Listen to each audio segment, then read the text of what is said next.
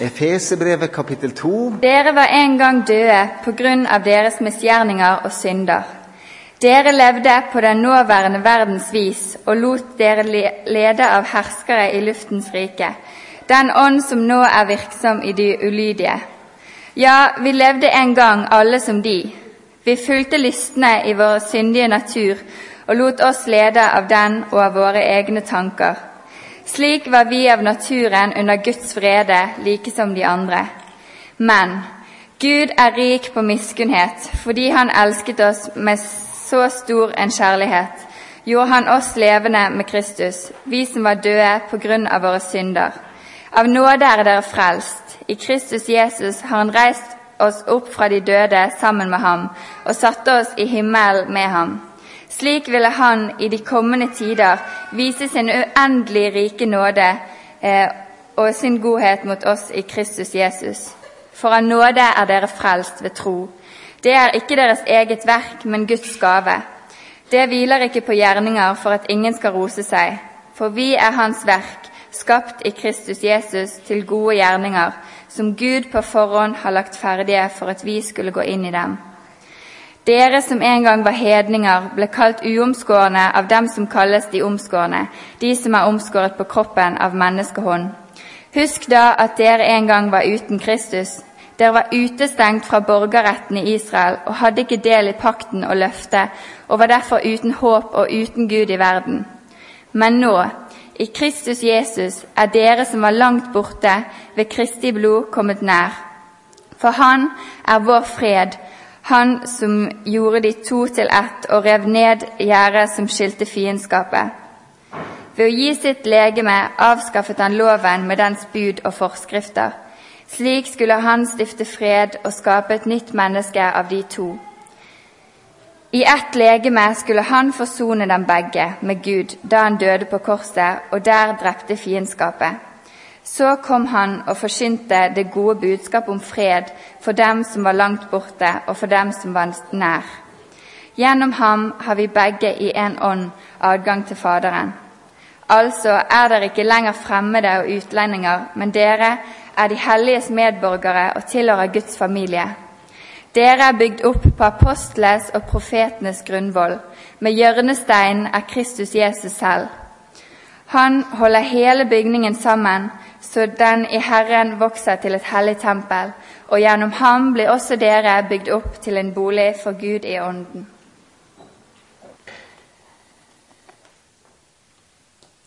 La oss be bønn. Herre, vi takker deg for at du har åpna ei dør inn til deg. Ei dør som ingen kan lukke. Den har du åpna ved at Jesus døde på et kors for meg og for oss alle. Her så ber vi om at vi kan få lov å um, bli møtt av ditt ord på en sånn måte at det gjør noe med tanken vår og trua vår og livet vårt. Det ber jeg om i ditt navn. Amen. Vi skal eh, bruke en del av søndagene til å gå gjennom Efeserbrevet, som det var sagt. Og vi hadde Efeserbrevet 1 forrige søndag, der vi bl.a. stopper opp for den bønna som Paulus ber i kapittel 1 om hjertet sine opplyste øyne, der han ber om eh, visdom og åpenbaringsånd til kunnskap om Gud. Slik at vi kan se hva vi tror på, hva slags håp vi er, hva vi eier som kristne. Jeg fortalte også sist søndag at jeg har begynt på ei trapp i bakken min. da. Jeg skal ikke fortelle så veldig mye om den i dag, men jeg skal fortelle at jeg holder på fortsatt med den. For jeg har en lang bakke. Eh, Men når jeg las Efeserbrevet 2 denne her eh, vika her, så tenkte jeg på en måte at Efeserbrevet 2 tegner bildet av noen trinn som jeg eh, har steget inn i. Litt ulike trinn. Jeg vet ikke om dere har hørt om han trappemakeren som skulle avslutte sitt yrkesaktive liv.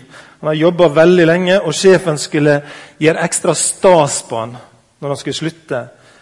Så, eh, sa sjefen det at eh, hvis vi hadde lagt sammen alle de trapper du har laga, da hadde vi røkket nesten helt inn i himmelen. Så mange trapper du laga. Og Da svarte han litt stille, han trappemakeren. Jeg vil bare si det at nå er det mest kjellertrapper jeg har laga. Eh, trapp, hva er det for noe? Jo, det er Ifølge Wikipedia vi trenger kanskje ikke å slå opp der, da, men så er trapp det er en samling av trinn som fører oss opp eller ned. Det er godt sagt. Så enkelt er det. Det er en samling av trinn som fører oss opp eller ned på steder hvor det er upraktisk med en skråning eller en rampe. Så vet vi det. Jeg ser tegninger av noen sånne trinn i Efeserbrevet 2. Trinn som fører nedover, kan vi si, og trinn som fører oppover. Det ene handler om død, det andre handler om liv. Trinn som fører oss nærmere, trinn som fører oss lenger vekk. Jeg skal bruke de to begrepene, dødens og livets trinn, eh, i eh, forhold til det vi, vi skal snakke om i formiddag. For vi finner noen dødens trinn. Når vi hørte Solveig lese dette kapitlet, så finner vi noen dødens trinn. Dere som var døde ved deres overtredelser og synder. Bibelen snakker om liv og død på en annen måte enn oss. Bibelen snakker om en fysisk død. Bibelen snakker om en åndelig død. Og Bibelen snakker om en evig død.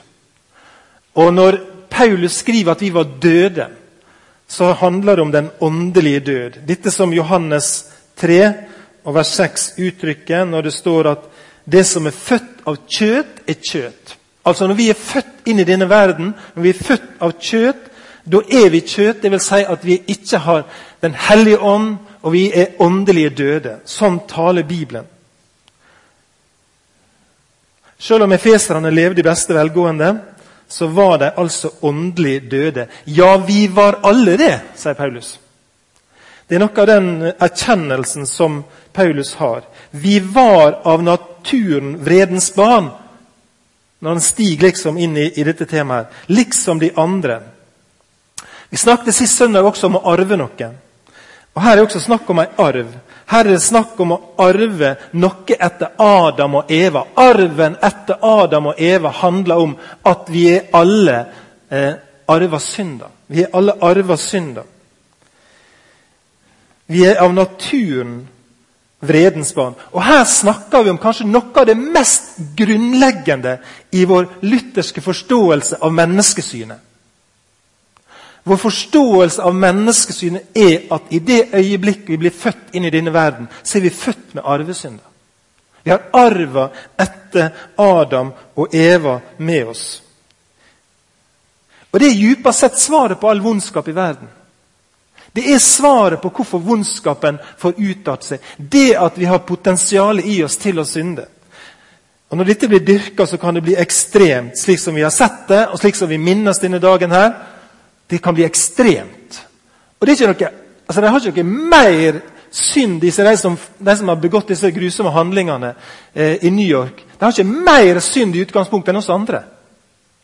Vi har det samme utgangspunkt. Potensialet til å synde. Potensialet til å sende et fly inn i et tårn.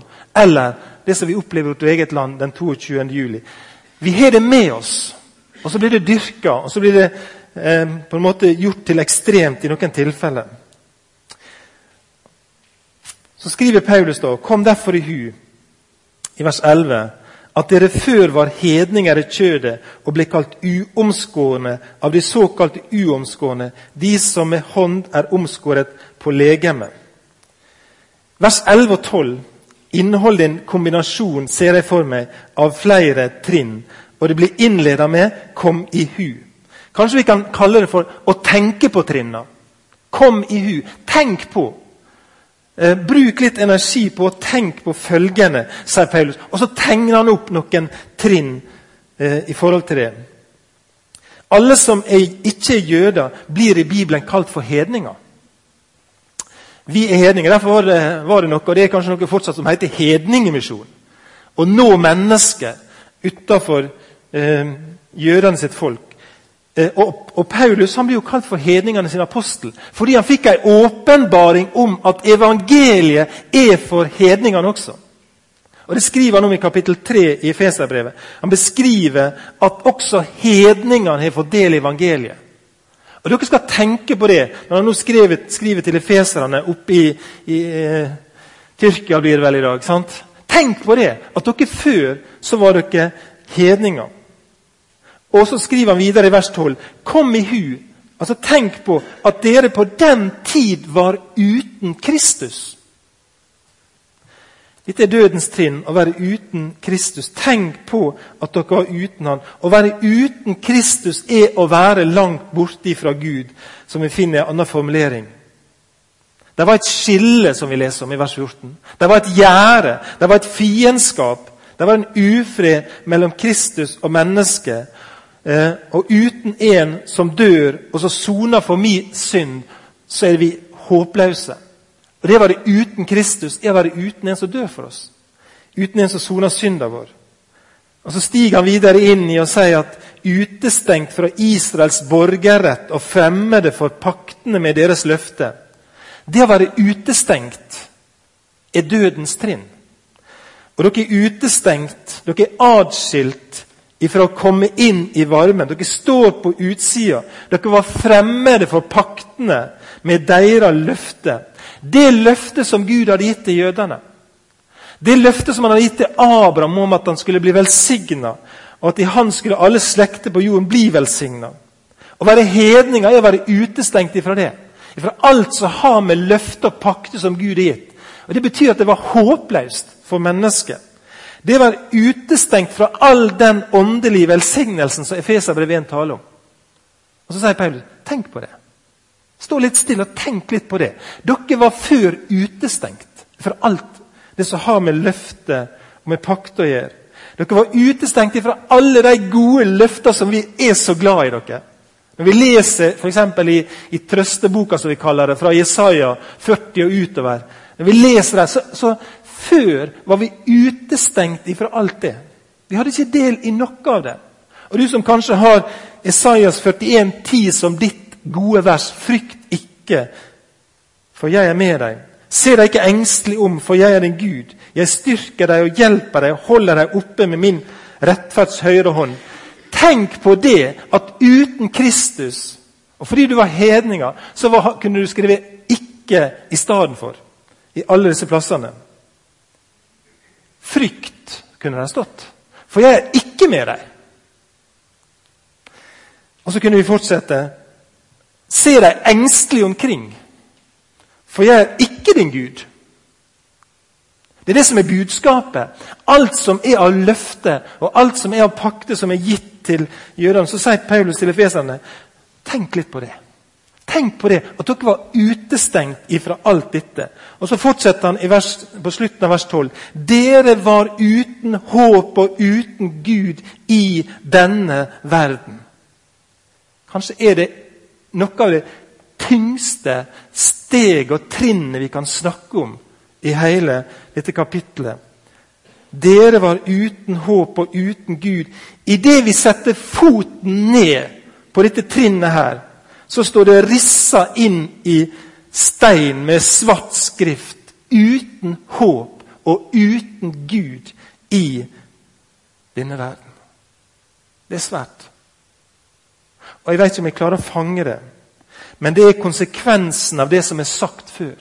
Tenk litt på det, da, sier Paulus. Stig inn på dette trinnet og så tenker du litt på det. Det at dere ikke var uten Kristus, uten del i løftet, uten del i pakt, det betyr uten håp, uten Gud, i denne verden. Åndelig død og på vei mot den evige død. Nå kunne vi ha bytta litt om på det jeg har sagt, kanskje rekkefølgemessig. Men jeg har en tanke om at når vi leser dette her verset, vers 12, og kommer til slutten av vers 12, da er vi på en måte på bunnen av bunnen. Da er vi nederst nede. Da er vi på det laveste punktet. Det er der Jesus er, tenker jeg. Når han henger på korset, og sier han, 'Min Gud, min Gud, hvorfor har du forlatt meg?' Uten håp og uten Gud i denne verden. Og det er her, på det desidert laveste punktet, det kommer et men. Og jeg la merke til når Solveig las, så las hun veldig 'men Gud'. Men Gud. Der er noen dødens trinn som vi har sett litt på. Men så står det 'men Gud'. Eller som det står 'men nå'. I Kristus Jesus er dere som før var langt borte, kommet nær til Unnskyld. Ved Kristi blod. Hele bildet blir snudd. Hele situasjonen blir annerledes. Idet vi står på det nederste trinn, og der er bare avgrunn, og der er bare fortapelse igjen under oss, så blir det tent et håp. Ved Kristi blod og ved Kristi død. På det nederste trinnet lyder det et men. Men nå. Men Gud. Det er noe radikalt nytt. Og Da står det med gullskrift, om vi snur oss om, så står det med gullskrift det motsatte. Du er ikke uten håp i denne verden.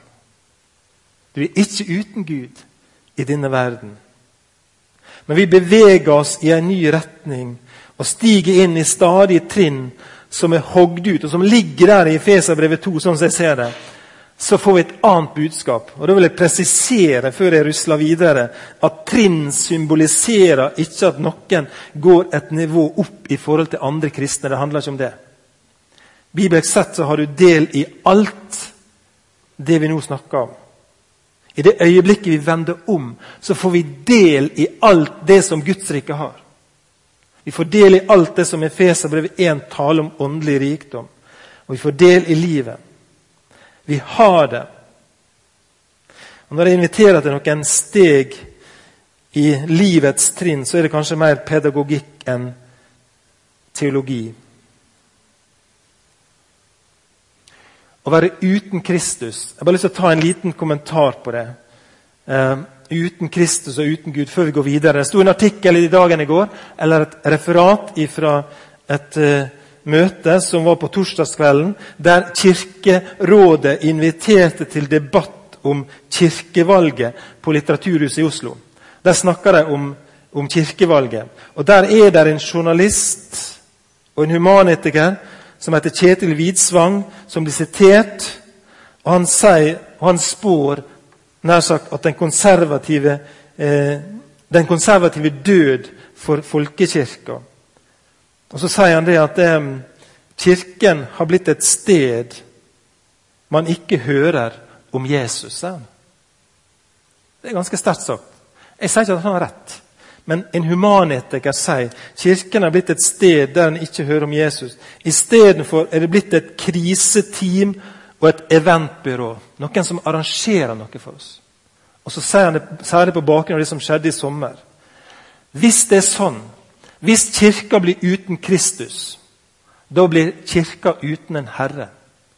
Og da blir kirka uten et hode. Og kapper du hodet av et legeme, så er det dødt. Så er vi uten Kristus, så er det kun døden igjen. dere. Men vi stiger inn i livets trinn. Også dere har han gjort levende, står det i vers 1. Dere som var døde pga. deres overtredelser og synder. Bibelen bruker andre ord. Eller Bibelen bruker begrep som liv og død på en annen måte, som jeg sa. Vanligvis så blir det liv først, og så blir det død. Det er sånn det virker. Først kommer vi til liv, og så dør vi. Sånn er det fysiske livet. Men Bibelen snakker om at det går an å gå andre veien. Og vi var døde. Idet vi fikk livet, idet vi ble født, så var vi døde, sier Bibelen pga. våre overtredelser og synder, som vi arva og hadde med oss. Så skal jeg stille et ganske enkelt spørsmål, og som jeg syns har et veldig opplagt svar. Og det er Hva kan en død gjøre for å bli levende? Hva kan en som er død, gjøre for å bli levende? Jeg syns det er et enkelt spørsmål. Eh, Lasarus, som vi leste om i Johannes 11, som hadde lagt tre dager i grava.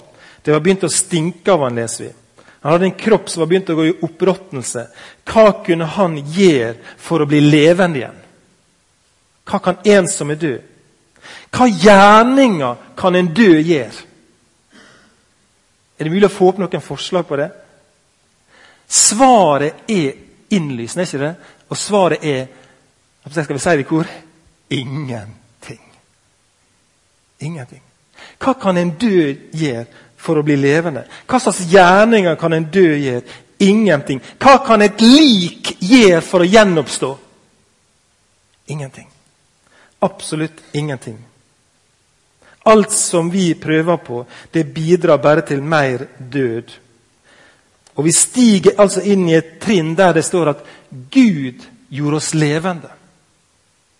Vi som var døde, vi har fått liv ved Gud. Men Gud Legg merke til det. Men Gud, som en sånn motsetning til alt dette andre som er bare død. Men Gud, som er rik på miskunn, har på grunn av sin store kjærlighet, som han elsket oss med, gjort oss levende med Kristus.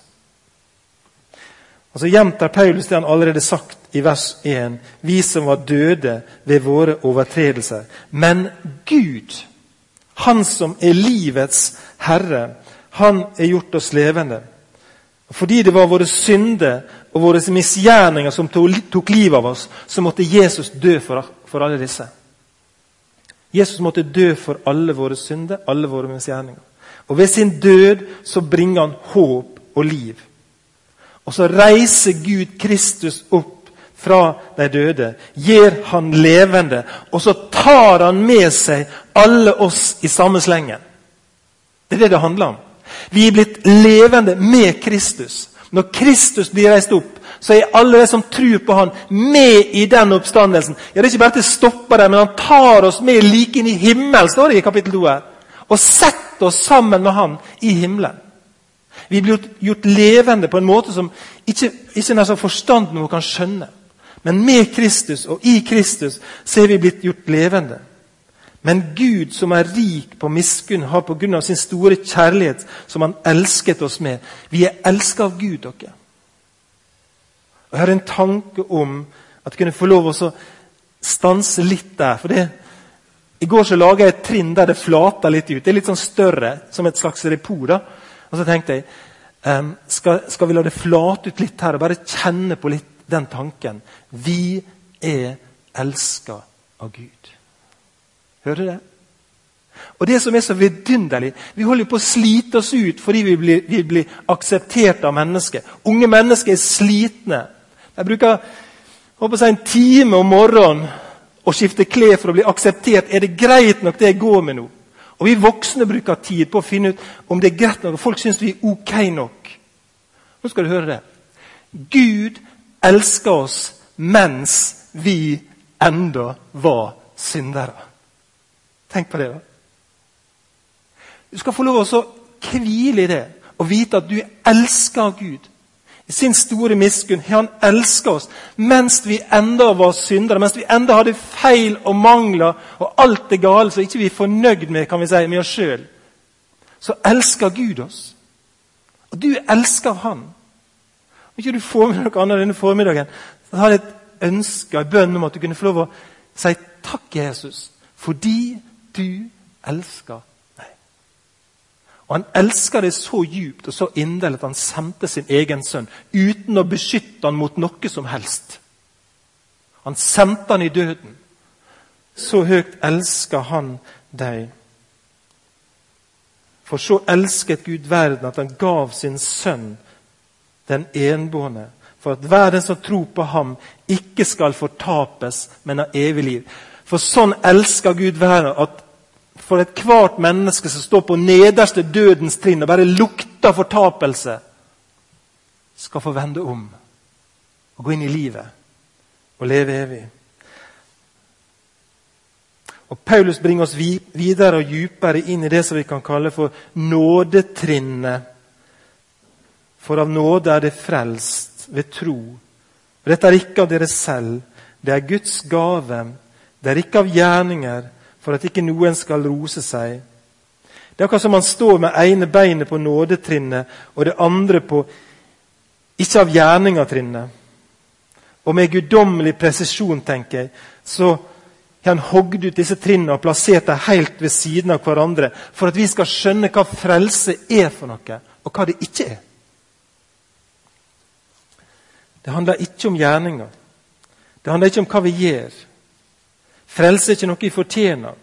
Det er en gave som blir rekt oss ufortjent. Og igjen, hva kan en død gjøre av gjerninger? Ingenting. Absolutt ingenting. Galaterbrevet 2, 16. Der skriver Paulus.: Men da vi innså at et menneske ikke blir rettferdiggjort av lovgjerninger Altså Han innser at det er umulig. Men ved tro på Kristus Jesus, da trodde også vi på Kristus for å bli rettferdiggjort ved tro på Kristus og ikke av er akkurat som han gjentar seg sjøl med litt sånn eh, samme orda. For ikke noe menneske blir rettferdiggjort av lovgjerninga. Det er det Paulus slår fast, og det er det som er budskapet til oss. Det er også et av de mest sentrale punktene i vår lutherske kristendomsforståelse. Det er det. Vi blir rettferdiggjort, ikke ved gjerninger, men ved tru alene. Det er ikke noen annen vei. Sist søndag så hørte vi et sitat fra 'Pilegrims vandring'. Var. Det ble lest et sitat fra 'Pilegrims vandring' av John Bunyan. Eh, og Jeg skal sitere en annen klassiker i dag innenfor den kristne, klassiske litteraturen. Og Det er den svenske biskopen Bo Gjertz som har skrevet en roman som heter 'Steingrunnen'. Og Mange av dere har sikkert lest den, og vi burde sikkert lest den opp igjen. Vi som leste den for en del år siden. Eh, men der skildrer Bo Gjerts et møte mellom den nye kapellanen og den gamle sognepresten. Og Kapellan Fridtfeldt han presenterer seg som troende. Og Sognepresten spør hva han tror på. På Jesus, naturligvis, ropte hjelpepresten. Jeg mener, jeg mener, jeg har gitt ham mitt hjerte. Da blir den gamles ansikt plutselig gravalvorlig. Mener du at du har noe å gi ham?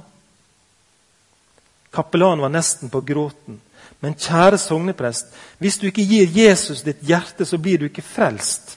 Rett talt, gutten min. Og like sant er det at om du tror du blir frelst fordi du gir Jesus ditt hjerte, så blir du ikke frelst. Skjønner du det, gutten min? Fortsatte han med rolig og så uavbrutt inn i den unges ansikt, der usikkerhet og forferdet harme kjempet om overtaket. Én ting er det å velge Jesus til sin Herre og Frelser. Og gi ham sitt hjerte og bestemme seg for ham og tro at nå takker han til og er glad for å få regne med meg i sin ringe jord. Og en helt annen ting er det å tro på ham som en forsoner for syndene, blant hvilke jeg er den største. En forsoner velger man seg ikke. Forstår du? Og man gir ham heller ikke sitt hjerte. Hjertet det er bare en rusten blikkboks på en søppelhaug. En nydelig fødselspresang.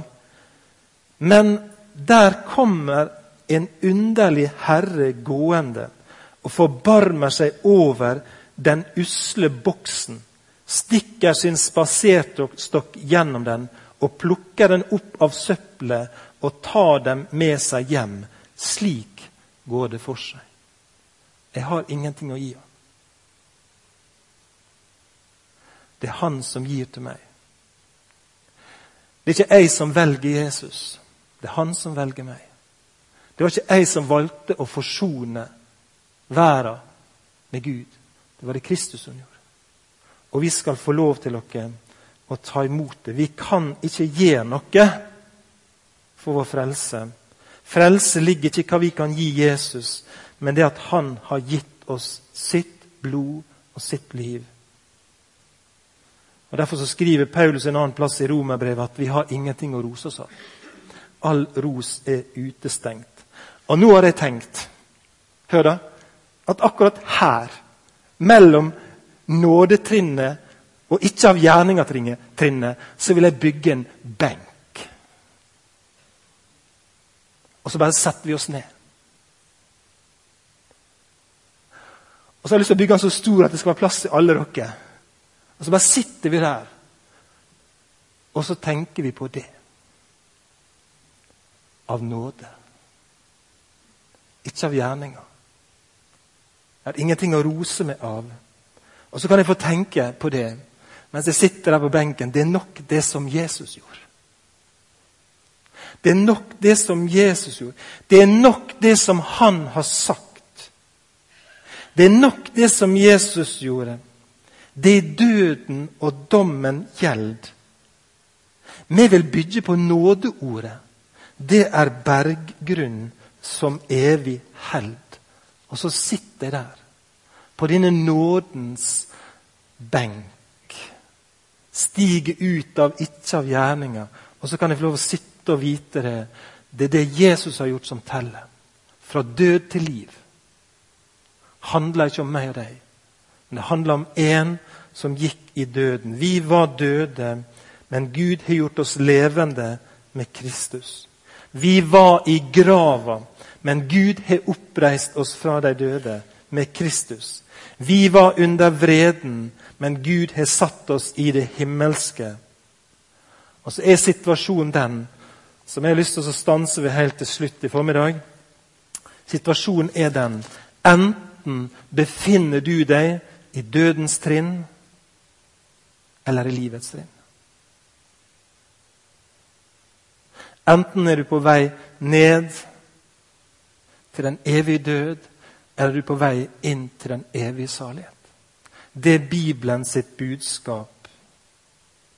Enten er du uten Gud og uten håp i denne verden, eller så har du håp. Og da har du Kristus i denne verden. Tenk på, sier Paulus, tenk på dødens trinn. Det er mer enn en tanke, det er en realitet for mennesket. Og Derfor er vi til dere. For å forkynne om at det er en som sier på det nederste trinn Kom til meg. Vend om.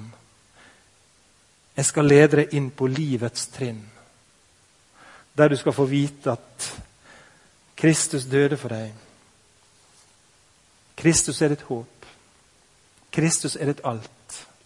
Du har gått fra døden til livet.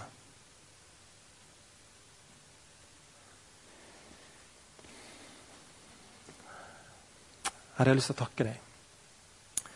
Takk fordi du eh, har hogd ut disse livets trinn med ditt eget liv, med din egen død. Så inviterer du oss inn i disse stegene, Herre. Der vi skal få lov å vite at vi har håp, og vi har Gud. Vi som var fiender, har blitt venner. Vi som var langt borte, er kommet nær. Vi som var i mørket, er kommet inn i ditt lys. Ja, vi som var døde, har fått livet. Og alt på grunn av Jesu blod. Herre, la oss få lov å ha ei forsamling, en menighet, ikke uten Kristus, men med Kristus. Der vi kan få lov å forkynne nettopp dette, at du er vårt håp. Også i møte med smertene, i møte med vondskapen, det ikke bare blir en Amen.